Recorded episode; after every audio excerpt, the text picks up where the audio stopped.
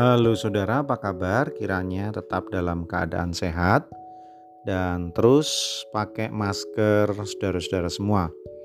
Walau sudah divaksin, hati-hati banyak yang sudah divaksin bahkan dua kali karena lengah belum terbentuk antibodinya malah positif COVID. Jadi hati-hati. Saudara, dalam kehidupan ini ada istilah fatalisme. Apa itu? Yaitu sebuah pemikiran filsafat yang meyakini bahwa orang itu dikuasai oleh takdir atau nasib. Dalam bahasa Latinnya itu fatum. Dan orang nggak bisa merubah apa pun karena takdirnya, karena nasibnya. Jadi menurut aliran fatalisme ini, pemikiran fatalisme ini, manusia tidak berdaya untuk melakukan sesuatu di luar kemampuannya. Begitu juga orang tidak bisa memiliki kemampuan apa pun untuk mempengaruhi masa depannya. Atau hasil dari yang dia usahakan, yang dia upayakan. Kalau memang harus rugi ya rugi, Eh, nggak ngapa-ngapain pun kalau yang namanya untung ya untung. Nah ini fatalisme. Kata fatalisme berasal dari kata fatal ya. Tadi bahasa Latinnya itu fatum. Ya, yang artinya nasib, ya, ketentuan, takdir, ya, semacam itu. Nah, lawan kata dari fatalisme adalah determinisme yang meyakini bahwa apa pun itu bisa ditentukan oleh manusia sendiri tergantung dari bagaimana atau apa yang sudah dilakukannya. Nah, ini dua hal yang bertentangan ya. Jadi ada orang-orang yang nggak usah ngapa-ngapain, pasti dapat hasilnya. Kalau dapat ya dapat, kalau rugi ya rugi. Karena ada orang yang berpikir mau bikin apa juga kalau udah waktunya mati ya mati. Kalau udah waktunya sakit ya sakit. Kalau udah waktunya bangkrut ya bangkrut dan seterusnya. Jadi ya lebih baik nggak usah ngapa-ngapain karena itulah cara berpikirnya. Di sisi lain tadi yang saya katakan adalah determinisme bahwa kita harus melakukan sesuatu untuk mendapatkan hasil dan itu sebuah hukum matematik pasti itu. Jadi kalau nggak ngapa-ngapain kita nggak dapat apa-apa. Tapi kalau kita mengerjakan sesuatu dengan sungguh pasti pasti pasti ada hasilnya. Nah ini kan terjadi pertentangan. Sebetulnya di mana posisi umat Kristen ya? Terkait dengan fatalisme, jelas itu bukan ajaran kita.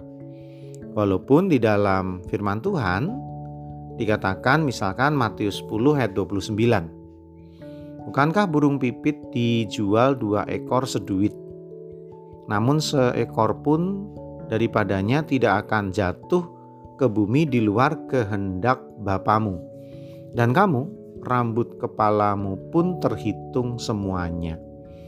Ini biasanya ayat yang dipakai untuk orang-orang yang beraliran fatalisme itu. Lihat, ayat ini. Apa pun yang terjadi itu sudah digariskan oleh Tuhan. Tapi sebetulnya kalau direnungkan dengan sungguh-sungguh, Tuhan pun tidak melarang orang untuk mengantisipasi hidupnya. Tuhan nggak pernah melarang orang untuk menabung. Tuhan nggak pernah melarang orang untuk hati-hati. Tuhan nggak pernah melarang orang untuk berhemat. Tuhan nggak pernah melarang orang untuk belajar sehingga pandai untuk bisa eh, sehingga cerdas untuk bisa menghadapi masalah-masalah di masa depan. Tuhan nggak pernah e, melarang bahwa orang harus mempersiapkan sesuatu untuk mendapatkan hasil yang lebih baik. Tidak ada larangan di situ. Artinya, bagi Tuhan menentukan apa yang akan diterima dan apa yang tidak akan diterima oleh manusia itu tidak bergantung dari manusia itu sendiri, tapi memang karena kehendak Tuhan. Dan saya begitu yakin, sekali lagi, ini keyakinan saya bahwa ketika Tuhan melihat ada keseriusan dalam kehidupan orang ini, maka bukan tidak mungkin Tuhan menentukan hal yang baik, hal yang luar biasa, hal yang lebih. Misalkan contoh, saya pengen punya mobil dua. Apa yang harus saya mulai untuk mendapatkan mobil dua? Kita bisa memulai dengan mempersiapkan garasi untuk dua mobil. Misalkan itu. Kita bekerja keras, menabung, dan mulai membangun garasi yang memang memuat untuk dua mobil. Berusaha, terus berusaha, siapa tahu Tuhan memang memberikan dua mobil itu. Karena sekali lagi, apa yang dikatakan dalam Matius 10 ayat 29 tidak melarang kita untuk mempersiapkan sesuatu, menabung, mengantisipasi sesuatu, mempersiapkan segala sesuatu dengan baik. Di sisi lain yang disebut dengan determinisme juga bukan ajaran kekristenan. Sebab determinisme itu menekankan akan kekuatan dan kemampuan diri sendiri dan akhirnya bisa membuat orang menjadi sombong. Menabung sebanyak-banyaknya Dasarnya karena khawatir bahwa Tuhan tidak memelihara. Bukan itu kan maksud orang untuk menabung, karena maksud saya satu-satunya tujuan kan bukan untuk memuaskan keinginan diri kita sendiri di masa mendatang, kan bukan. Artinya dengan menabung kita bisa berhemat dan ketika kita berhemat ada banyak berkat yang juga bisa kita berikan kepada sesama. Itu kan makna dari menabung. Atau misalkan anak belajar sampai pandai sepinter-pinternya kan bukan kita berpikir untuk kita akan menciptakan teknologi yang lebih canggih dari yang Tuhan bisa lakukan misalkan. Tentu saja bukan itu.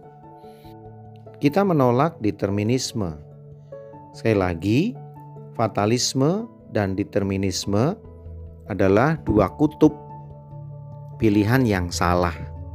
Dan kekristenan mengajarkan untuk boleh mempersiapkan diri tapi sekaligus dengan segala kerendahan hati menerima apa pun yang akan terjadi. Seperti doa Tuhan Yesus di Taman Getsemani kalau boleh, cawan ini lalu daripadaku, tetapi kehendakmulah yang harus terjadi. Artinya, kita berhemat bukan berarti pelit. Kita menabung bukan berarti khawatir di masa mendatang tidak ada makanan untuk diri kita sendiri. Menyekolahkan anak biar pandai bukan berarti untuk mengatasi, melebihi, melampaui kekuasaan Tuhan. Menjaga kesehatan bukan berarti takut mati dan ingin hidup selama-lamanya. Apa yang bisa kita simpulkan? Mari lakukan yang terbaik, mempersiapkan yang terbaik, dan kita jalani itu dengan kerendahan hati dan bersedia menerima apa pun yang Tuhan putuskan kita boleh meminta yang terbaik, kita boleh menawar Tuhan, kita boleh meminta sesuatu yang lebih baik dari Tuhan, tapi apa pun yang Dia berikan, mari kita terima dengan penuh ungkapan syukur. Yang penting, kita berusaha, Tuhan yang menentukan. Masih bersama dengan saya, Pendeta Yudi, dalam renungan emas. Esok masih ada solusi.